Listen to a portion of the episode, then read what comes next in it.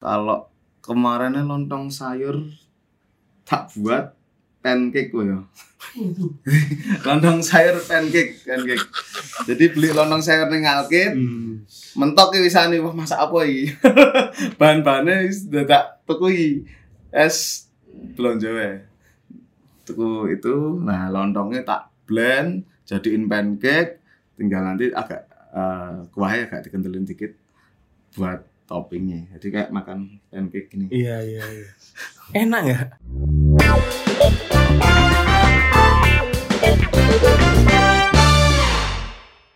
Halo teman-teman, ketemu lagi dengan saya Pudut EA Kepala Suku Mojo dan sore ini kita akan masak-masak ceria. Ya.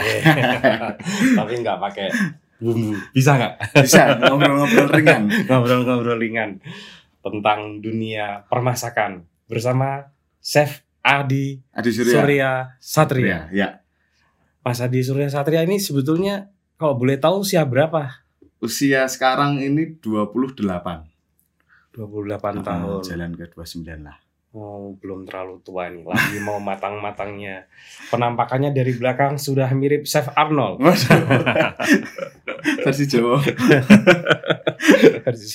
Tapi tak lihat di Instagram Anda itu seneng banget ya masak pakai udang ya. Eh, ini baru seneng seafood soalnya. Eh, ada manu fase-fasenya gitu. Iya, kadang kemarin Hmm. itu kan ayam juga. Terus kok rasa-rasanya kok ayam terus lagi. Hmm, Terus daging sapi. sapi. Terus ya lihat momentum aja kemarin waktu Idul Adha pasti banyak orang nyari inspirasi. Wah, daging sapi ini nggopo yo. Nah, Ah, tuh bikin konten daging sapi, terus ada daging kambing. Nah, ini kok pengennya rasa-rasanya wah enak seafood kita ya. seafood ya. Banyak yang komen juga mbok kepiting, mbok ikan iki, Oh. udang. Nah, itu juga jadi bisa oh, ternyata iki jaluke gitu. Neng seafood. Oh, ya wis. Makanya buat akhir-akhir ini ada ikan-ikanannya juga. Hmm, hmm, hmm. Sejak kecil suka memasak atau baru-baru saja? Sejak kecil karena saya tumbuh di orang tua yang di bidang pastry orang tua saya. Jadi Oh, iya. di apa namanya? eh yang buat kue-kue gitu biasanya.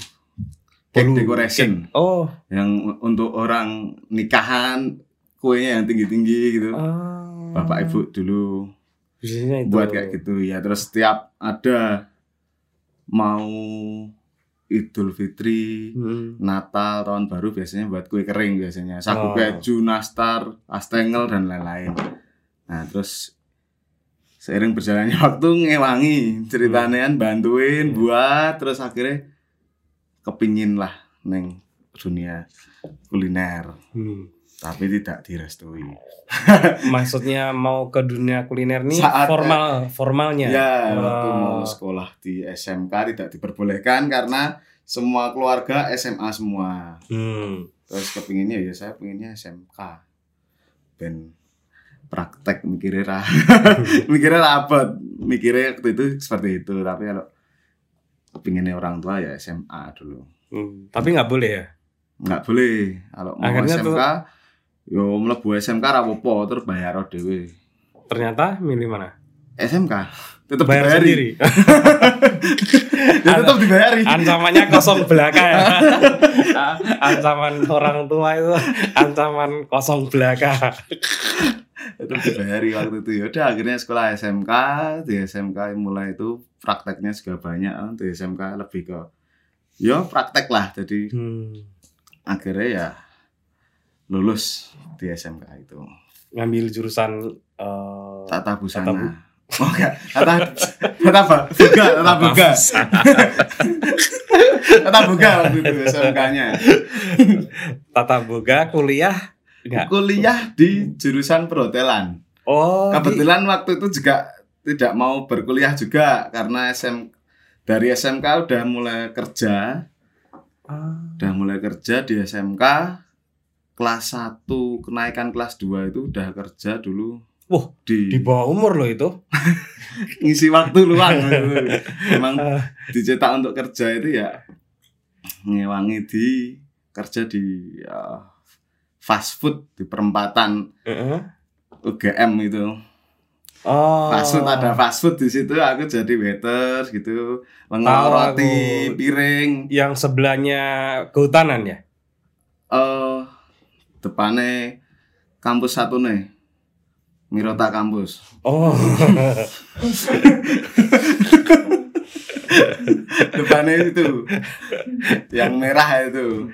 Oh. Nah, di situ dulu. Iya, iya. itu iya. lihat habis itu kan pasti kalau kerja di situ seharinya dapat free meal satu dan nasi ayam makanya di belakang nggak lihat orang masak itu wow ini toh Hmm. restoran ini alatnya proper dan lain-lain pengen masak ini. tapi tidak jadi tidak bisa di situ karena kan kontraknya hanya sebagai waiter dulu Hmm, untung nggak nggak kita sebut ya nama ini karena di bawah umur loh itu. Terus Oh, iya. ya itu waktu itu kerja di situ dan mencari uang tambahannya menjadi badutnya kan ada tuh kalau ada yang ulang tahun itu hmm. nah lama-lama Iya. mengerucut orang-orang tahu. ya itu jadi itu Oh, sempat jadi badut-badutannya. badut-badutan itu Piro yo? Malah sewu ya 10 menit. iki. Oh. Bayarannya dulu Ya, untuk mahal mencari dong. tambahan. 10 sumuk menit itu tapi. 10 menit 15 ribu. Mm-mm. Berarti satu jam aja udah berapa itu? Ya nggak kuat mungkin satu jam. Kerukupan nggak kuat itu. Asli. Semua Oh. banget. Oh, berarti gantian gitu. Eh enggak, ya kan untuk berapa menit doang kayak gitu. Hmm. Si badut keluar kan nggak sampai Enggak. acara Oh, selesai tuh enggak biasanya sampai acara cuma selesai. di awal atau di akhirnya aja. Jadi biasanya kayak gitu sih. Terus kerja sebagai itu akhirnya lulus SMK ya kerja kerja di awalnya di Chinese restoran itu tetap disuruh kuliah ya udah pada akhirnya Yang nyuruh kuliah siapa? bapak Orang tua ya. orang tua bapak. Dibiayai lagi. Kasih aku waktu satu tahun gue kerja sih Oke. terus aku gelem kuliah. Hmm. pada akhirnya ya udah saya kerja setahun terus kira setahun kerja nih kerjamu setahun. Kapan harap kuliah? Ya udah. Boleh kuliah. Terus akhirnya daftar di Stipram. Stipram sekolah tinggi. timbang ramangkat orang Ora. sekolah tinggi ilmu pariwisata Ambarukmo dulunya Oh, di dulu A- Amplas A- dulu namanya AMP Akpram A- bukan AMP Am- Amta beda Amta bukan beda. bukan Amta. beda bukan Oh. dulunya Akpram jadi Stipram kalau Amta beda lagi Kalau Amta itu akademi apa tuh? militer oh, apa ya Kok iso militer? Amta pariwisata Amtanya itu pokoknya pariwisata itu. Akademi. Ya, ya itulah yang Ah. satu pariwisata. Ini sama juga Ini apa? sekolah tinggi ilmu pariwisata Barokmo Jangan-jangan Amta itu Stipram, beda. beda beda beda beda Oh. sekarang ada kampusnya sendiri di daerah Hmm. eh, Piungan be perawatan Piungan itu ya Hmm. sekarang pindah situ dulu itu belakang belakangnya Amplas dulu Hotel Royal itu belakangnya kampus dulu Oh, oh ini udah nyala ya? Hah? ya ini bagian. Tadi ini ta- apa kita syuting militan ini tadi karena studi lagi mati lampu, tolong PLN ya. Oh, kalau jam kerja jangan sampai mati lampu. Ini kasihan tamu-tamu saya ini. Oke, di Stipram, Hmm, di Pram Sekolah dulu. Tinggi Pramudia Nantatur. Kelihatannya di Stipram. Jurusan Tata Boga juga. Jurusannya ambil saya ambil D3 pastry. Oh. Jadi dijuruskan kalau D3 kalau S1-nya itu kan cuman satu. Hospitality udah. Kalau D3-nya ada yang kitchen, ada yang pastry, ada yang Oh, uh, oke. bartending, uh, Hmm. banyak lah. Itu aku ambil yang pastry waktu Hmm. itu. Karena dosennya nom waktu itu. Rada nom maksudnya. Yang lain tuh dosen-dosen yang udah tua itu maksudnya. Nom dan enak dilihat. Uh, agak baru jadi refresh enggak yang Oh, uh, pakai zaman dulu gitu kan ada atau kayak iya, gitu. iya. Tapi pastry itu memang bikin ini ya, bikin orang seger ya. Mm-mm, Bener nggak? Bener. Aku itu kalau lagi stres lewat ke toko kue, Kue. gitu masuk aja, eh masuk ya belanja lah. bener, Ini bener. bikin seger suasana. Tapi malah aku lebih suka ke masakan.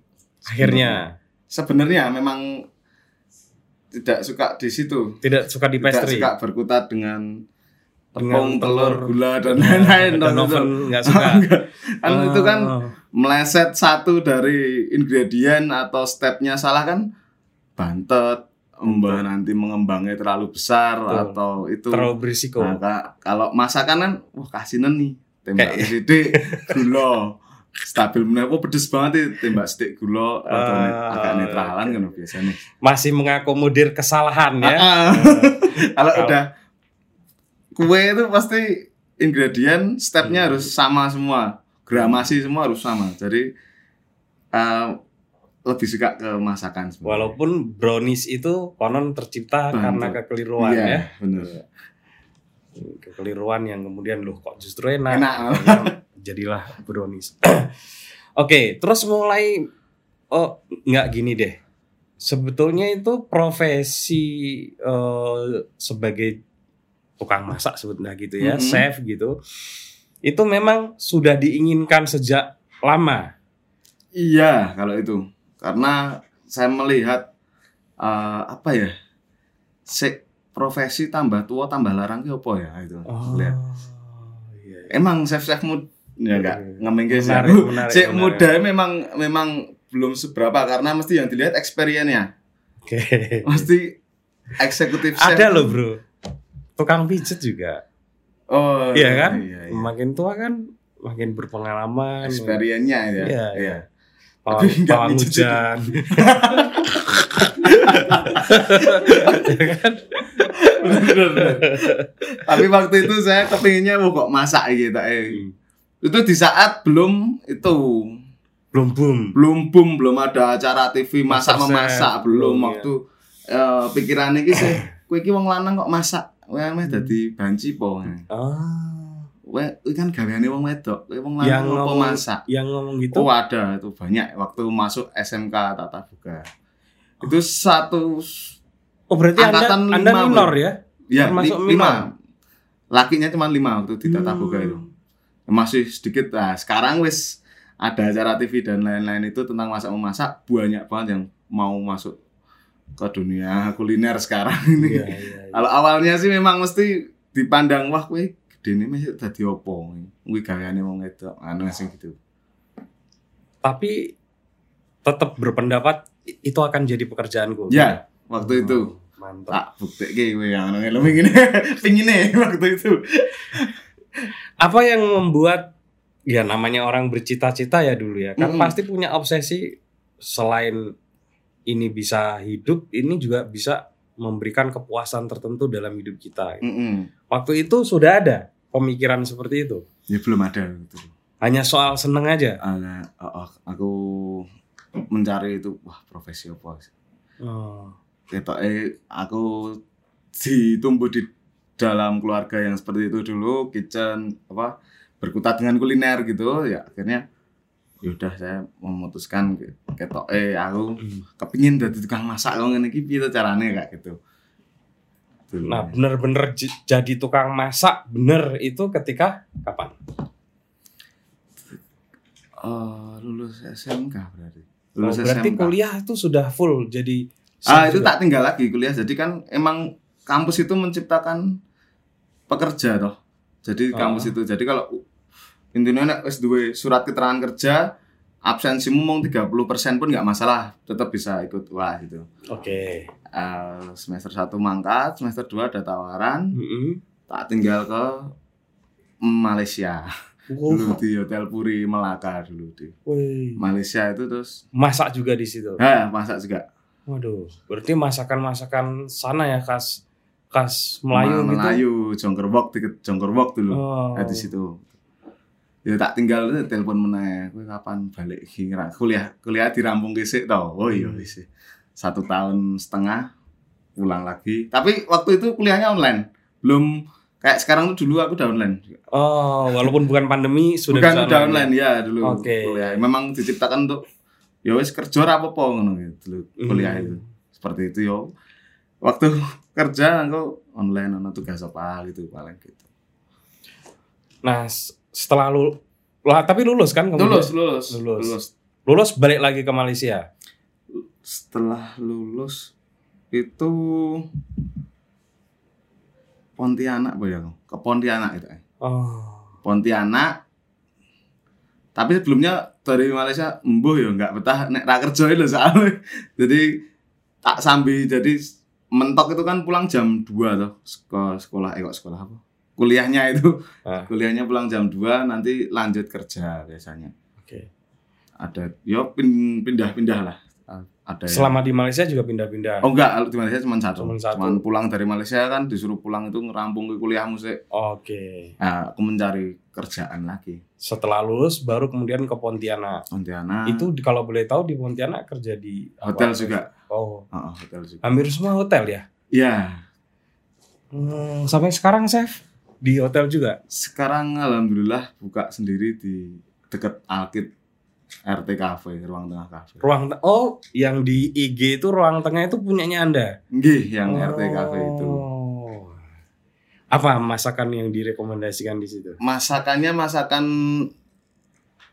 Bali sih, Indonesian food sih lebih tepatnya. Hmm. Tapi Balinya kuat di situ, kayak ayam betutu, Hmm. terus ayam sambal mata Sambal itu mata. eh, best sellernya di sana. biasanya. Tapi nasi campur gitu. Nasi campur ya, yang Campur. sisut merah dan lain-lain itu. Hmm.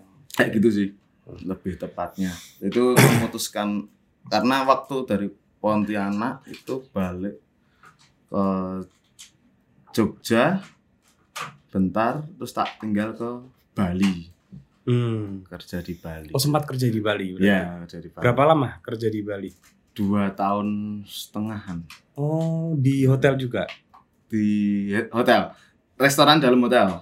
Jadi itu satu hotel ini Heeh. punya dua restoran, satunya restoran Western, satunya Indonesian food. Aku mulai suka Indonesian food situ. Oh karena di Bali itu ya? Ya, Oke. Indonesian food langsung. Wah, oke kita ting glenik tur bikin ribet tur marah seneng malahan. banyak banget bumbu-bumbunya, bumbu putih, bawang merah, bawang putih, dan lain-lain gitu kan banyak banget. Bumbu ganep ya istilahnya. Kalau di Bali bumbu genep, basi genep. Iya, Ah, basi ganep. ada Apa coba basi ganep tuh? 12 macam itu. Iya. Bawang merah, bawang putih, Mm-mm. cabai rawit hijau, cabai rawit merah, cabai teropong merah. Oh Terus- cabenya tiga ya? Ah, ah, Hmm. ada si apa namanya? kencur, Kencur ya. kunyit, ada jahenya, Heeh. terus ada lengkuas, Heeh. terus serai, Serai baru 10. terus ada bawang merah, bawang putih wes. Eh, Duh, wes seluruhnya ya. Ya pokoknya 12 lah. 12, genep Ya. pokoknya. 12 ke ya. Genep. Kalau sebelah Bumbu punya. dasar, bumbu dasar yang dibutuhkan di hampir semua masakan Bali. Bali, ya. Hmm. Semua itu pasti pakai itu. Dan di Bali ini Anda pernah nggak di kampung-kampungnya lihat bagaimana orang berpesta? Tukang masaknya kan laki-laki semua. Iya, biasanya itu kan? tapi belum pernah lihat kayak gininya sih. Ah. Cuman kerja waktu itu di situ. Jadi kalau ada pertanyaan tadi itu eh, cewek cowok masak gitu. Mm-mm. Berarti dia satu belum pernah ke Bali lihat orang. Jadi kalau di Bali itu orang pesta masakan-masakan tersulit itu dilakukan oleh laki-laki. Laki-laki semua. Laki-laki datang tuh udah bawa pisau, Pisau. gitu ya. Karena yang- di sana tidak nggak boleh diulek toh. Dirajang semua. dan rajangnya canggih ya. Ah, ah, biasanya. Jadi, eh, langsung masak gitu ya. Nah termasuk di Minang, Minang kan nggak kalau di warung makan Padang Ah, Anda kan nggak pernah lihat nih. Nggak seluruh Jogja aja kalau pernah lihat. Cewek, Cewek nggak nggak di dapurnya jarang kan ya. jarang sekali Jarang, kan. jarang, Yang jarang. ada ya laki-laki. Cowok semua. Nah, Sewadi, Mm. masakan apa yang menurut Anda paling susah dimasak? Paling susah dimasak. Nggak ada ya mas. Nggak ada ya. Semua semua, Semua, mudah. Ah, ah, semua. Insya Allah udah. Ah. udah semua sih sebenarnya tapi paling angel yo mungkin nek pas untuk ayam kampung tur sih tua ya rada alat itu faktor yang lain lah ya. bukan sulit sih sebenarnya cuman membutuhkan waktu yang lebih lama aja Hmm. sebenarnya memasaknya ya cuman caranya metode cookingnya seperti itu Hmm. tapi eh, butuh timingnya agak lama gitu aja cuman Daging apa? eh, ikan dengan daging kambing gitu atau ayam Mm-mm. itu lebih susah mana? Masak ikan dengan masak daging merah. Eh, si merah karena waktunya agak lama juga. Hmm. Terus si penanganannya pasti juga agak beda. Hmm.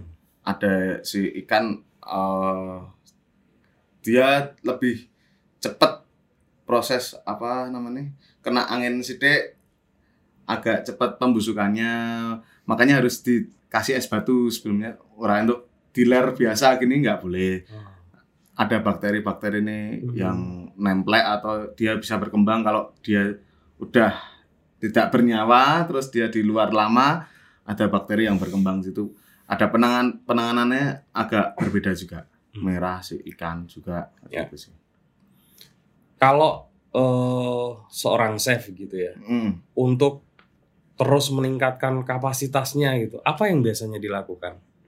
biasanya sih aku ya kalau aku sendiri sih lihat referensi-referensi apa yang sedang berkembang sih Hmm. karena setiap detik setiap menit pasti ya itu mesti berkembang semua toh.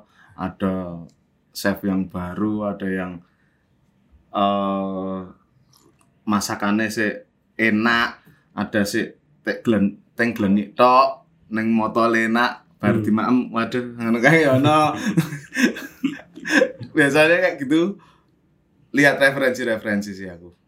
Lebih belajar kalau oh ini ada yang baru seperti ini tapi kok rasa cocok berarti rasa biasanya tak lihat dari referensi-referensi gitu Ada nggak pengaruh dari eh, ini masakan lokal Jogja? Gitu. Anda terpengaruh nggak dengan kekhasan masakan lokal Jogja? Jogja itu kan terkenalnya gudeg, Mm-mm. tengkleng, apa sate-sate, ya, gitu. gitu. Mm-mm. Eh, kalau itu kan mesti wis kayak sudah dipetakan tuh kayak gitu. Wah sate kelatak mesti wis melayunya bandul. Nah, gitu kan. Biasanya aku lihat di cara masaknya aja. Cara masaknya dan taste-nya biasanya. Nah, terus habis itu tak kadang tak aing-aing tak fusion ke biasanya. Misalnya bakmi Jawa hmm, terus tak ganti pakai spaghetti misalnya kayak gitu loh. Tak tak oh pikir cocok berarti rasa tiga konten ndak ditiru ra, rapi tau sebenarnya. Cuma nyoba nyoba gitu aja biasanya aku nyoba tuh kayak eh, di Italian sana ada eh, si pesto misalnya.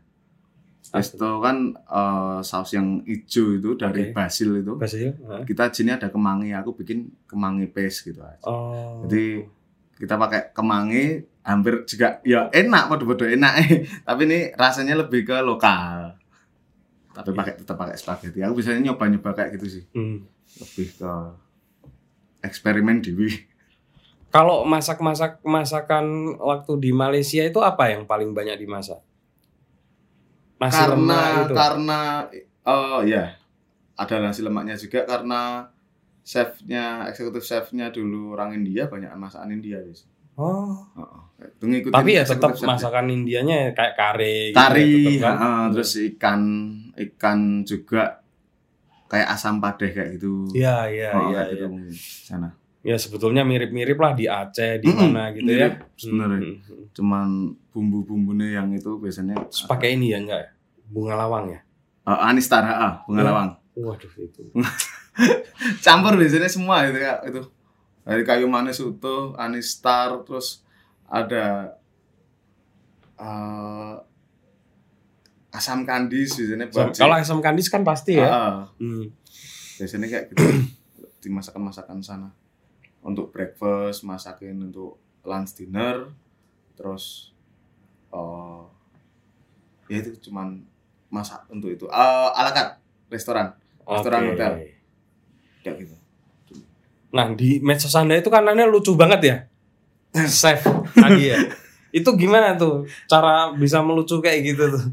caranya ya tak campur aja mas kayak gojekan yang eh tongkrongan lah Hmm. istilahnya aku Ya. itu gojek tongkrongan wae aku gojek sehari-hari ini kayak gitu tapi setelah setahun lebih apa ya setelah setahun lebih ini ada kata-kata yang saya pilah karena ternyata eh, yang nonton kontenku itu juga cuman orang dewasa. Ternyata ada yang anak kecil pun ada. Dan aku mengurangi kata-kata yang kurang. Nanti tidak jadi diikutin sama anak-anak gitu loh maksudnya. Agak mengurangi kata-kata itu dulu waton tongkrongan aja kayak wah is misu-misu kayak biasa nih lah. Tapi terus loh kok neng dalan? Mas mas ini anakku main foto Wih, kok cah cilik iki waduh. Enggak jadi role modelnya juga jadi miso-miso iki waduh. Asa aku mengurangi kata-kata itu sih sebenarnya. Nah, sekarang kalau dulu emang awalnya memang yo wis gojek tongkrongan miso ngono kae lah. Terus ke- kok sampai kepikiran nyari belut gitu mau masak nyari belut dulu di sawah ya walaupun pasti nggak nyari belut lah itu pasti belutnya udah ada gitu ya dadaan sih itu sebenarnya dadaan mikirnya langsung dadaan sampai sekarang tuh kadang ya sama temenku itu biasanya dadaan semua. Hmm. apa yo? Dan awal mulanya tuh ya karena dulu itu pas pandemi awal-awal tuh kan terus puasa. Dan barang di kafe itu kan yo jadi sepi toh. Iya. Ah, daripada barang ini busuk tapi kan oh ini tahu misalnya tahu iki rong dino meneh wis klinyit wis rasa tinggu hari ini aku mah gawe tahu walik tahu sem- sempol dan tahu tahu-tahu lainnya gitu. Heeh. itu dadaan semua sih biasanya. Hmm. nah daripada cuman dimasak tok mending direkam sisan yo. Nah, direkamin lah. Buat video dari seperti itu. Terus kok sepi terus gimana posisinya ya ya wes masak-masak terus masak-masak terus dibuang ke eh update ke Instagram awalnya Heeh. itu itu ada yuk apa yo jenenge yo wis waton lah 30 hari memasak selama bulan Ramadan. Hmm. Jadi gawe emosi wong jam rolas mesti aku upload panganan jam 12 waya-wayahe pepanas ya. Pas panas-panas mau ndelok wah masakan gitu kan.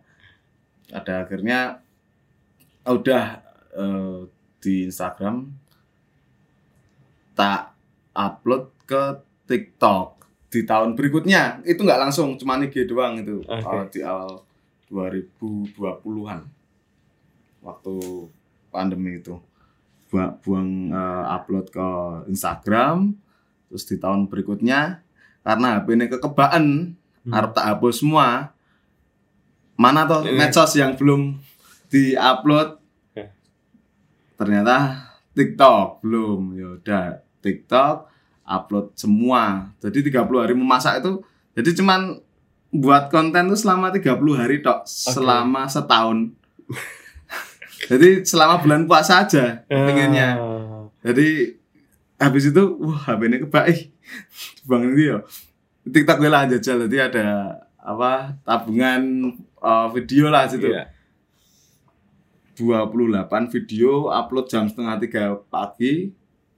Terus jam 12 siangnya dikasih tahu temen itu deh gunamu FYP jenenge ya. FYP kayak FYP kok apa? Lho oramu ndak kok followerku. Ya sik nontonan mulai akeh kok followermu. Oh kuwi FYP toh belum tahu tuh waktu itu ya wis lah. Tak tekuni langsung ada yang nanya-nanya seperti itu red cardnya berapa Nah, kan belum tahu kan mau niatnya mau yo wis iki sepi kafe mau gawe konten biasa nggak ada yang pikiran wah aku gawe konten iki tujuannya golek duit iki gini belum ada situ sih sebenarnya Ah. cuman oh, Tapi akhirnya punya dong red card. punya Ah. Iya punya akhirnya itu di di mana sekarang itunya? Apanya? berarti di TikTok ya. Eh, TikTok bisa Yang paling- mirroring bisa Yang paling banyak di mana? di TikTok Hmm. sekarang nih Nah, ber- berarti bikin konten lagi gara-gara sudah punya red card nih sekarang. iya jadi acaranya macak-macak namanya Macam-macam. macak-macak macak-macak itu yang di luar puasa bulan Ramadan Hmm. macak-macak jadi tiap hari terus upload satu satu satu setiap hari satu video Mana yang lebih menghabiskan energi sekarang? Ngurus ngurus apa rumah makan ruang tengah ya Ah, ah. atau bikin konten bikin konten sih. Milih kata-kata nanti pemilihan kata-kata kan mesti ada juga terus eh kalau menu sih nggak kehabisan sih. oh Pasti masih bisa ya kayak tadi sat tahu. hmm. Tahu kan bisa jadi tahu wale, sempol tahu, bisa jadi jangan desa sih ono tahune kan gitu. Hmm. Jadi ono sambal tahu banyak kayak kayak gitu. Tapi Hmm. kalau pemilihan kata-kata takutnya tuh bosen nek dibalen-baleni terus. Tapi kalau kata-kata intronya jelas ya hari ini itu aja. Terus kapan hari itu saya lihat Anda ini ya datang di Monas Chef Oh, iya. Nusantara. Apa namanya? Eh, asosiasi ICA, Indonesian Chef Association. Anda anggota di situ. Eh, kebetulan ya di yang BPD Jogja. Oh. Di BPD DIY aku anggota di situ. Berarti itu asosiasi juru masak seluruh Indonesia. Ya, chef si ya ICA the Indonesia. Kalau kayak gitu tuh apa isu atau apa yang yang diprogramkan di dalam organisasi seperti apa HICA? ICA, ICA Indonesia Chef Association. Iya. Ya gimana? Biasanya sharing lowongan pekerjaan kan ada. Biasanya kayak gitu kan. Makanya kan chef biasanya ngeling kayak kayak gitu. Hmm. biasa eh, di hotel A udah pernah di hotel A nih. Saya megang hotel B. Terus ada orang eh, apply di CV-nya ada hotel A. Nah nanti aku cuma telepon si eksekutif A eksekutif chefnya hotel A. Oke. tinggal kipi bocah Oh. apa oh yo apa ini metu ngopo ngene ngene Oh, iya, iya. Aku tak jebuk ora jebuk wae ora apa-apa. Oke. Iki piye saiki? Wis tau kerja menamu, tenan, tenan. Piye kerjane? Kontrak-kontrak rasa wae ya wis rasa. Rasa terus kayak berarti kayak gitu biasanya ngeling semuanya. Iya, iya. Mau lari ke mana pun pasti ngeling semuanya biasanya. Kalau kerja di situ.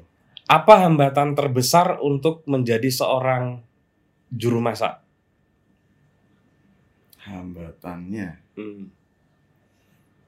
eh, Rata-rata orang kan yang paling kan juru masak ini sekarang kan ini ya apa profesi yang diinginkan oleh banyak orang ya. Anak Iya. kecil aja sekarang udah bilang pengen jadi apa? Jadi chef gitu kan. bener Ya kan?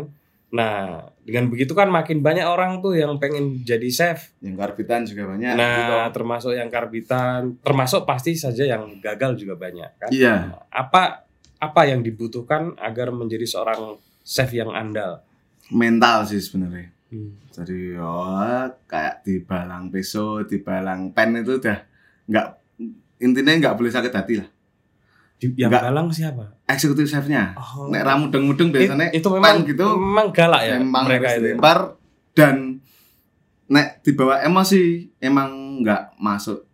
Saya pun juga dulu seperti itu demikian terus walah aku diseneni biar ngene iki biar speedku cepet toh kan gitu. Walah diseneni ngene iki biar aku ki eh cara masaknya cepet gitu. Ada setelah dewasa yuk walah biar aku apa emosi barang kamu ngono sih sebenarnya. Jadi nggak boleh diambil hati sih sebenarnya kayak gitu Hmm. dilempar gitu ya rasanya pengen wah balik kerja wah gelut tuh Nah, tapi kok berasa lah berasa lah itu sih sebenarnya mental itu dari nggak boleh sakit hati dan shut up and learn wes gitu kalau dikasih tahu rasa rasa Wih, ini kan ngene, neng gaweanku sak durunge kan ngene, enggak enggak boleh sih sebenarnya. Hmm. Cuman beda-beda kan setiap tempatan pekerjaan eh, tempat kerjaan beda nih Ya. standarisasinya nasi goreng si hotel A hotel B dan resto A resto B kan beda semua Hmm. ketika eksekutif chefnya bilang itu salah yo oh ya oke rasa dilawan wah kemarin aku nggonku kerja wingi sego gorengnya garamnya setengah sendok ya Hmm. kok gini saya sak sendok Hmm. Soalnya Gitu. kayak aku udah akeh stok kok. itu nggak boleh sebenarnya cuman Nah, oh, itu dipelajarin shut up and learn itu aku Anda kan pindah-pindah eh, dari satu hotel ke hotel yang lain ya. Mm-mm. Kalau hotel itu kan apa ya SOP-nya kan saklek banget ya. ya Nah, itu mm, membantu tumbuh menjadi seorang chef yang baik nggak kayak kayak gitu? iya juga kayak gitu. Hmm. itu eh, ya kayak grooming Oke. kayak gitu kan juga penting juga terus Hmm. nanti attitude juga Hmm. ketika nanti bertemu tamu kadang terus kedisiplinan sih sebenarnya disiplin jadi biasanya lo di hotel tuh ada yang satu jam ada yang setengah jam ada yang 15 menit juga pokoknya masuk 30 menit sebelum jam kerja biasanya itu digunakan untuk grooming dan lain-lain Hmm. nek telat yo konsekuensinya yang ini wah ono kayak gitu biasanya Ya, ya. Oh, ada pengalaman menarik nggak selama kerja di rumah makan di hotel? pengalaman menarik Atau yang paling diinget lah? paling diinget tuh ya dikasih eh Tip. kalau tip jarang Soalnya di dalam di ya. belakang soalnya Ya. oh yang kena tip sih waiter waitress biasanya depan Oh, gitu. kalau kalau dapat tip itu nggak dikolek ya? Nggak dikumpulin? oh tergantung tergantung kayak gitu Oh. tergantung lah Oke. kalau nggak ada CCTV ini bisa langsung biasanya biasanya kan apa ya mungkin dikasih tulisan aja sih seneng maksudnya udah pernah dimasakin besok kalau balik ke Indonesia lagi saya tolong dimasakin lagi gitu ada sih Oke. Nah, ketika bikin ruang tengah itu, apa yang ada di pikiran Anda? Bikin kenapa, kenapa lebih memilih untuk bikin? Kenapa nggak memilih untuk bekerja saja? Eh, karena ada dorongan juga dari saudara ada karep melu wong itu tekan kapan wis skill wis ono. Ya tekan duwe modal lah. Terus ya modalnya berapa? Aku duwe semene. Ah tiga perempatnya lah. Terus eh seperempatnya dibantu dengan dipinjami ruko di Jakarta dulu. Oh, dulu di Jakarta dulu. Mm-mm, nyelengi dulu sebelum buat itu.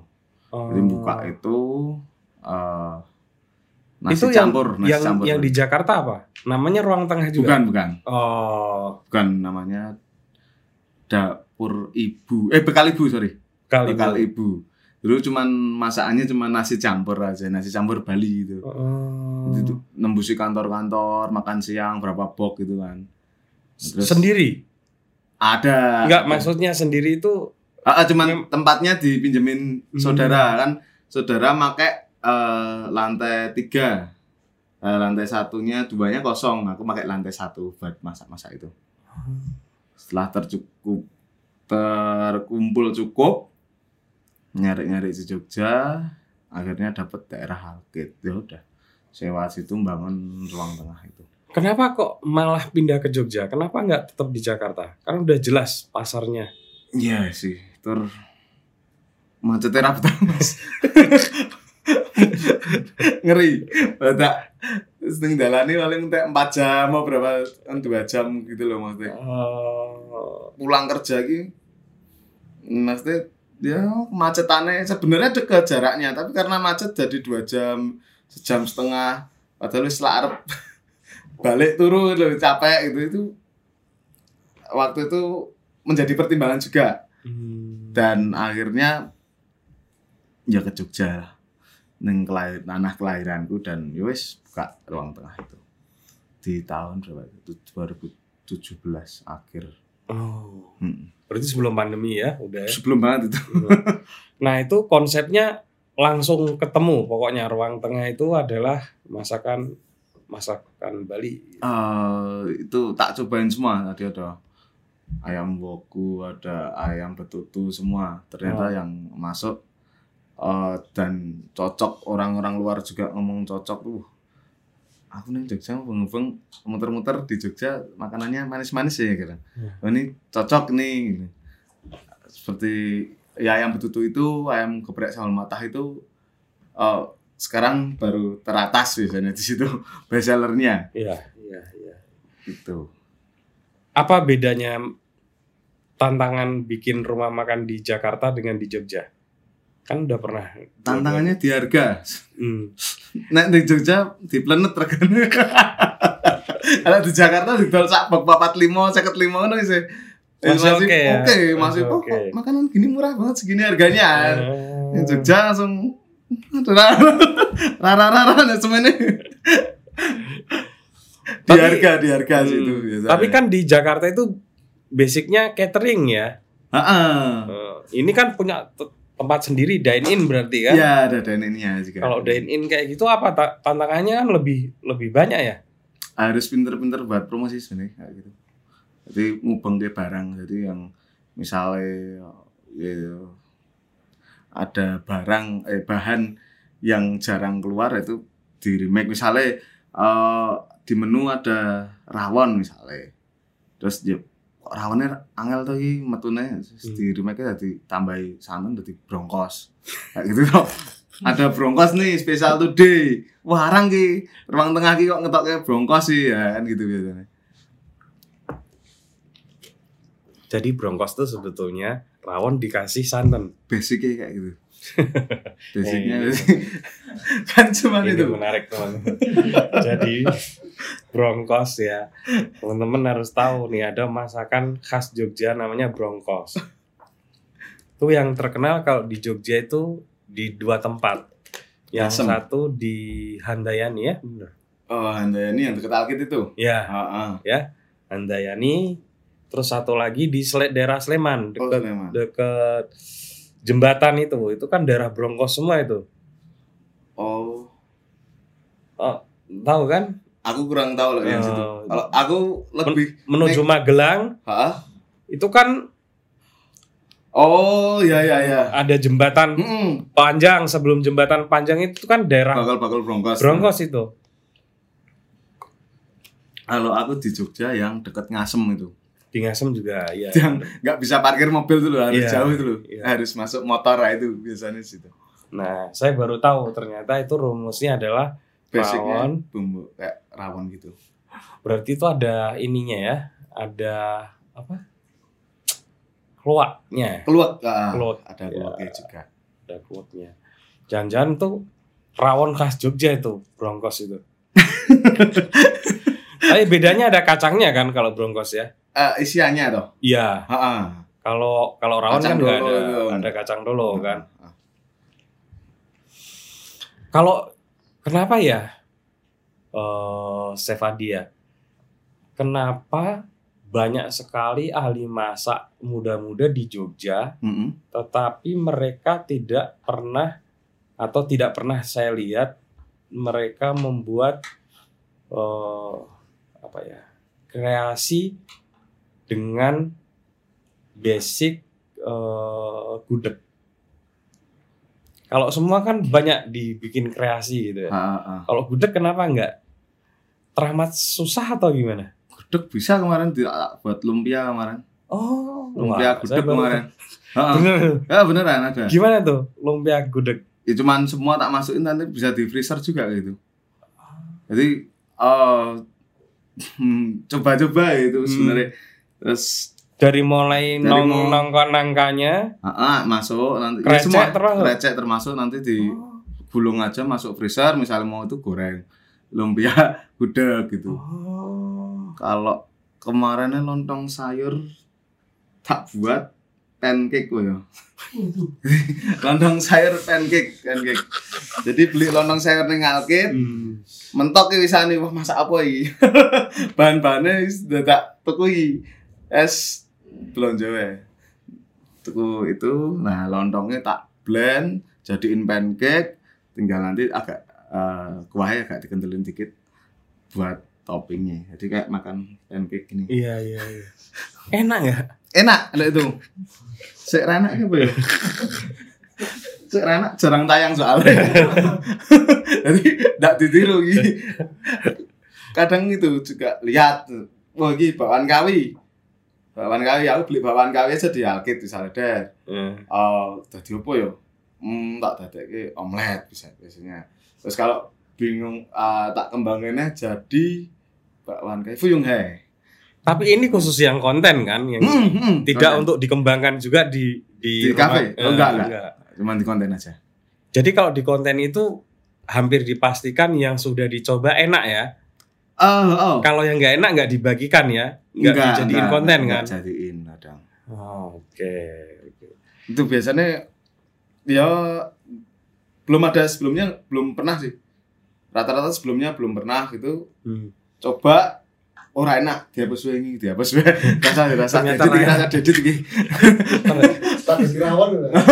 wes spaghetti rawon spaghetti rawon itu Eh, jadi eh. dibuat brul jadi masak spaghetti pakai rawon daging itu set masukin oven atas eh oven apa loyang Hmm. terus atasnya dikasih bechamel sama keju moza panggang bentuknya kayak brule nanti Eh, terus akhirnya kok rada mbleket lagi tambah ngembang soalnya si spaghetti nih Eh, Wah, ra, rada ra masuk iki. Ter lucu ekspresiku pas maem. eh. Tetep tak ngedit. Tapi sebenarnya enak, Apanya? enak sebetulnya. Sebetulnya sih ya eh, aneh soalnya kecampur bechamel lo krim ini loh. Ah, Rawan iya. kecampur krim ini agak aneh saya nah, itu. Tapi di Jogja ini, waduh, gila ya, apa inovasi itu. Terakhir itu yang ini loh, eh walaupun ini sudah lama ya, Hmm. yang cumi hitam itu loh. Jadi hitam-hitamnya itu sekarang menjadi semacam signature gitu untuk semua masakan itu loh. Oh, Kan ada banyak tuh iya, sekarang. Iya, iya, iya. Menurutku padahal itu dulu kan sesuatu yang mungkin agak menjijikkan gitu ya atau amis bagi yang nggak terbiasa ya. Nggak terbiasa. Hmm. Tapi kan memang enak gitu. Ya nasi goreng cumi hitam. Cumi hitam. Tapi sebelumnya memang, memang aku udah pernah juga gitu bikin homemade pasta pakai cumi hitam nanti jadinya pastanya hitam, hitam gitu. Ya. dan memang diambil Dari dari tinta cuminya. tinta cumi ya. Dari cinta cuminya. Hmm. Cumi hitam pekalongan gitu kan juga udah ada dari dulu sebenarnya toh. Iya iya, cuman nggak pernah dibikin. Kalau ini kan goreng. khusus, ya. Nasi walaupun kalau kita bikin nasi goreng kalau pakai cumi ya pasti ada hitam-hitamnya. Hitam ya. hitamnya. Tapi kan kalau ini sengaja malah di dibuat hitam dikeluarin sakone. hitamnya gitu Ya, ya. biasanya. Mm. Tapi dari bikin biasanya, dari bikin bumbu dulu. Kalau langsung keluarin itu terus disisihin terus pakai itu biasanya amis. Amis ya, ya Dimasak dulu dia. dimasak, Hmm, iya, iya. Pasti. Jadi bentuk udah paste itu bentuk pasta tinggal goyang berapa sendok goyang lagi biasanya kayak gitu. Oh. Juga udah ada bumbunya biasanya. Kalau minuman yang diandalin di ruang tengah apa? Bro, Minuman.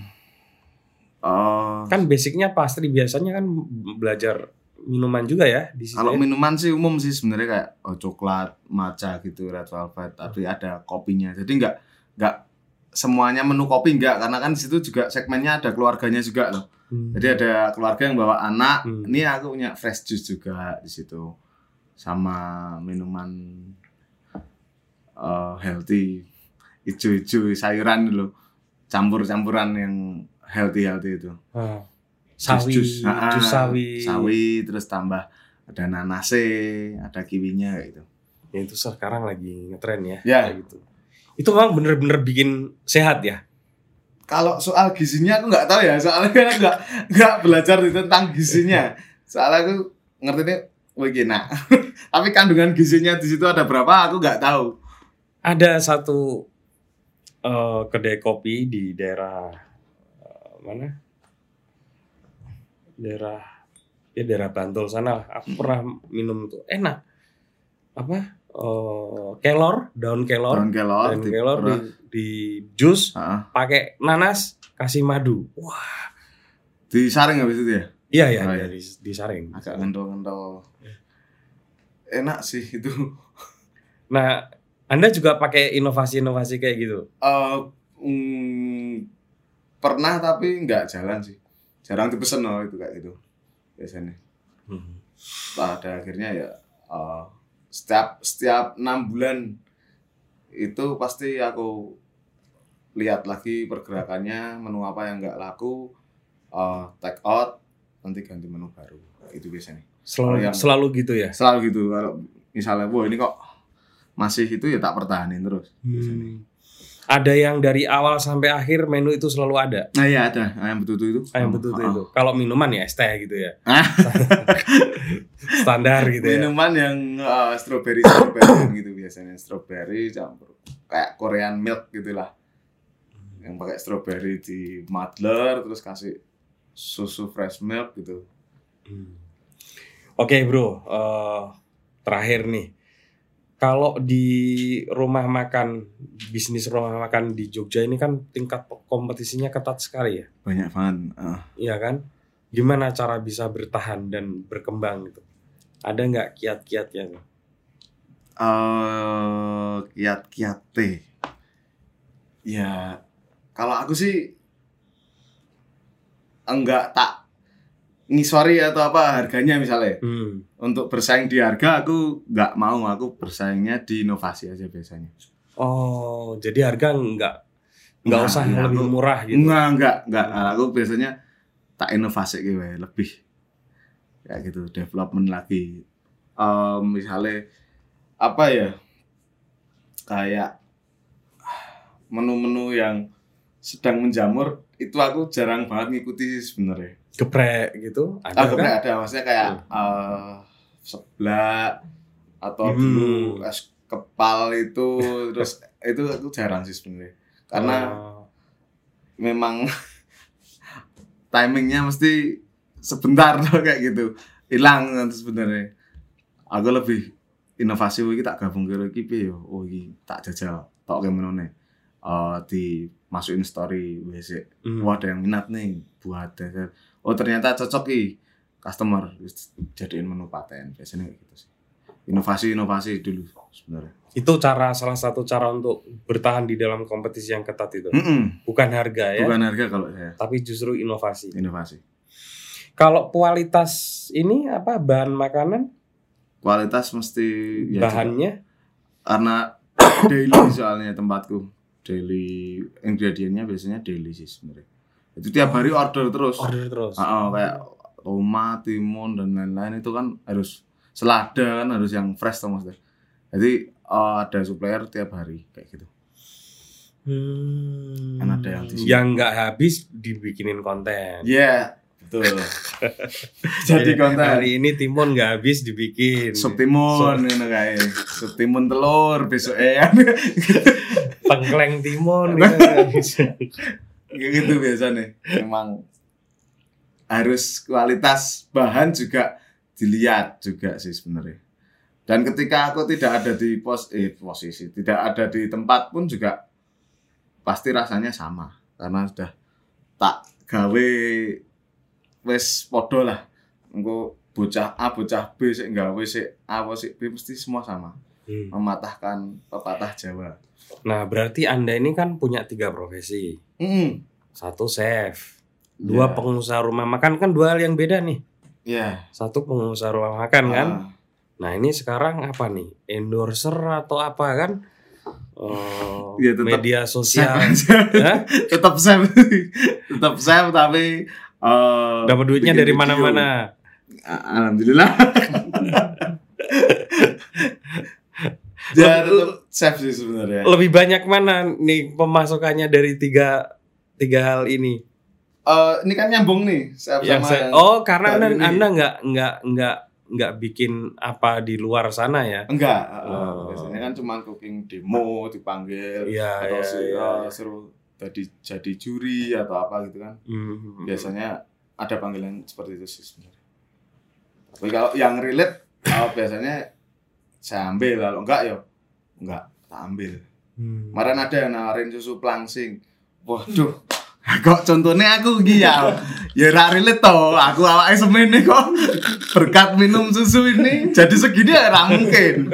Nah, itu saya enggak terima waktu itu kemarin. ada itu kayak gitu kayak gitu biasanya. Terus orangnya itu mikirnya apa ya kok nawarin susu pelan? Enggak tahu juga ya itu. Itu ada itu kayak gitu. Tapi paling suka sebetulnya masak apa Anda ini? Masa Ma- bukan. Paling suka itu masak dilihat orang atau enggak dilihat orang? enggak gitu? dilihat. nggak dilihat. Makanya awal konten dulu cuma tangan aku. Oh. Terus iya, harus iya. memberanikan diri tampil ke ono iki ndito sik Mas, sik ndito. Dulu izin soalnya aku pemalu toh sampai sekarang sih.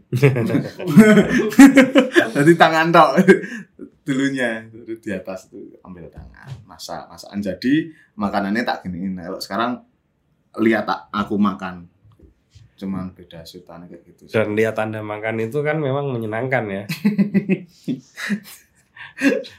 ini ini slogannya Chef Adi ini pekerjaan saya membuat Anda lapar, gitu ya. Ah, ah, bener. Kalau pas demo gitu ya, Mm-mm.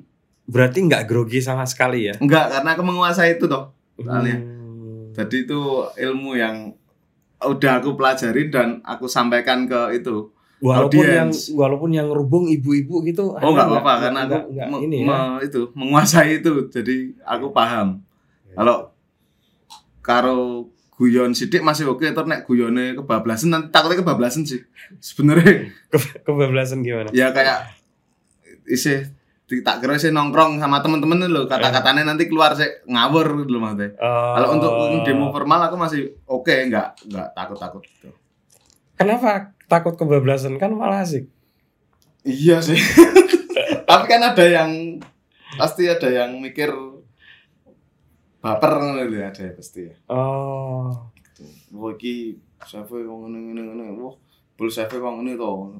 Itu biasanya agak ngawekani sih kayak gitu sebenarnya. Kalau chef kesukaan Anda siapa? Chef kesukaan. Semua ya, ada si Juna, ada Pak Lambon, ada Chef Renata enggak ya? Renata juga oke itu terus ada Gordon Ramsay, Amy Oh, Oliver Ramsay. juga itu. Chef Juna itu apa menurut Anda hebatnya? dia itu lebih suka ke rasa sih. Tidak terlalu memikirkan garnismu kok piye akeh godhonge kowe arep makani. Wedhus apa ngene yang penting utamanya rasa. Nah aku seneng chef yang mengutamakan rasa Hmm. Karena pada dasarnya Anda juga seneng yang mengutamakan rasa ya, Hmm. bukan tampilan ya. garnisnya tuh Hmm. simple tapi rasanya juga enak gitu biasanya Hmm. mengutamakan itu Pernah nggak eh, apa ya merasa gagal memasak dan masakan itu mau nggak mau harus dihidangkan? oh enggak kalau gagal enggak pernah tak hidangkan biasanya Oh, Tak nggak tarik, karena ulang, waktu, ulang. karena waktu atau ulang Oke. tetap ulang jadi eh, memberi pengertian ke customer ke guestnya ngomong kalau ini misalnya eh, bahannya ini seperti ini dikasih pengertian terus kasih komplimen biasanya dia mau menunggu pasti Oh, oke. maaf ini karena telurnya ayamnya belum bertelur ini agak lama bentar ya. Biasanya gitu. Nggak, misalnya nggak pernah ya terus terang. Maaf tadi yang pertama tadi enggak enggak pernah. Enggak pernah sorry. Jangan.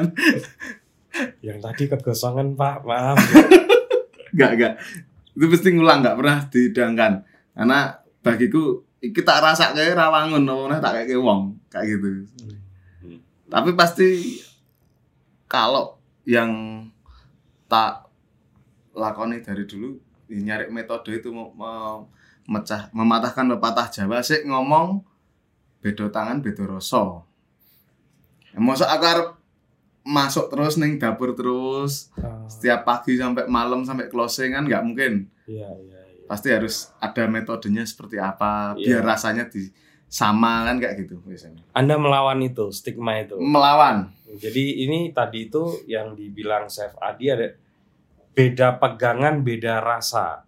Ya kan? Mm-mm, banyak itu yang bilang pasti wah yang nek bilang gitu. tukang masak iki rasanya kok ngene wah eh aja ning kono tukang masak wis ra sesuk mbiyen ya kan gitu biasanya Nah, atau kalau di Jogja ini orang tua sama anaknya. Mm-mm. Nah, ya kan bener kalau di Jogja. bener Kalau tongseng Pak ini, wah mau ra enak nih, soalnya sing masak anaknya. oh bapaknya wis leren Se- Selalu yang jadi korban tuh anaknya gitu.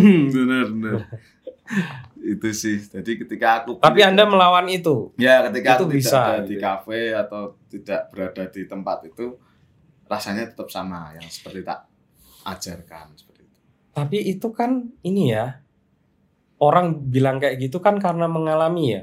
Berarti kira-kira kenapa ya kok sampai ada apa ya? sugesti sih sebenarnya Sugesti ya. aku juga pernah aku eh, aku nggak ada di situ misalnya Hmm. terus ada masakan dia bilang nggak eh, kurang misalnya ya Iya. kurang terus aku masuk ke dapur si masak podo wong. Mhm. aku ngasihin aku oh ini enak gitu. bukan aku padahal yang masak aku cuma masuk ke dapur sama nganterin dan yang Sugesti ya. sugesti sih kayaknya Iya, sih iya, aku iya, iya. mikirnya waktu itu ini soalnya sama bumbunya mau podo ra tak icipi oh oke wae sih mungkin sugesti oh biasanya dimasak harus chef iki misal. biasanya itu sih Oke. Oke, Chef Hadi, sukses Ya. selalu. Masih Amin. sering jalan kaki? Ini Eh. jalan kaki kalau jalan kaki 15 kilo, 11 kilo persami per sehari ya. perjalanan saben minggu minggu tok biasanya mas Tapi tapi rutin ya. Eh sekarang agak enggak sih Oh, kapan itu aku lihat di IG-nya ini ya, dari mulai Jogja Tengah sampai Jogja atas. Ya. Gimana nih? Ini kalau paling jauh sih biasanya ke Prambanan biasanya. Hmm, itu Jadi- jalan kaki ke Prambanan. Eh, pulangnya berangkatnya naik Trans Jogja ke Oke. sana, Ya. turun muter candi, pulangnya ke itu jalan Wah, biasanya. sama ini ya, klub ada klubnya ya. ada klubnya. Ini saya lihat terus soalnya masnya ini. Hah? jalan jalan kaki. Sambil di tengah jalan kulineran gitu. Oh enggak eh. Enggak ya? Memang Memang- sakit kemeng biasanya. Memang Langsung. sengaja sengaja olahraga. Iya, waktu dilarani.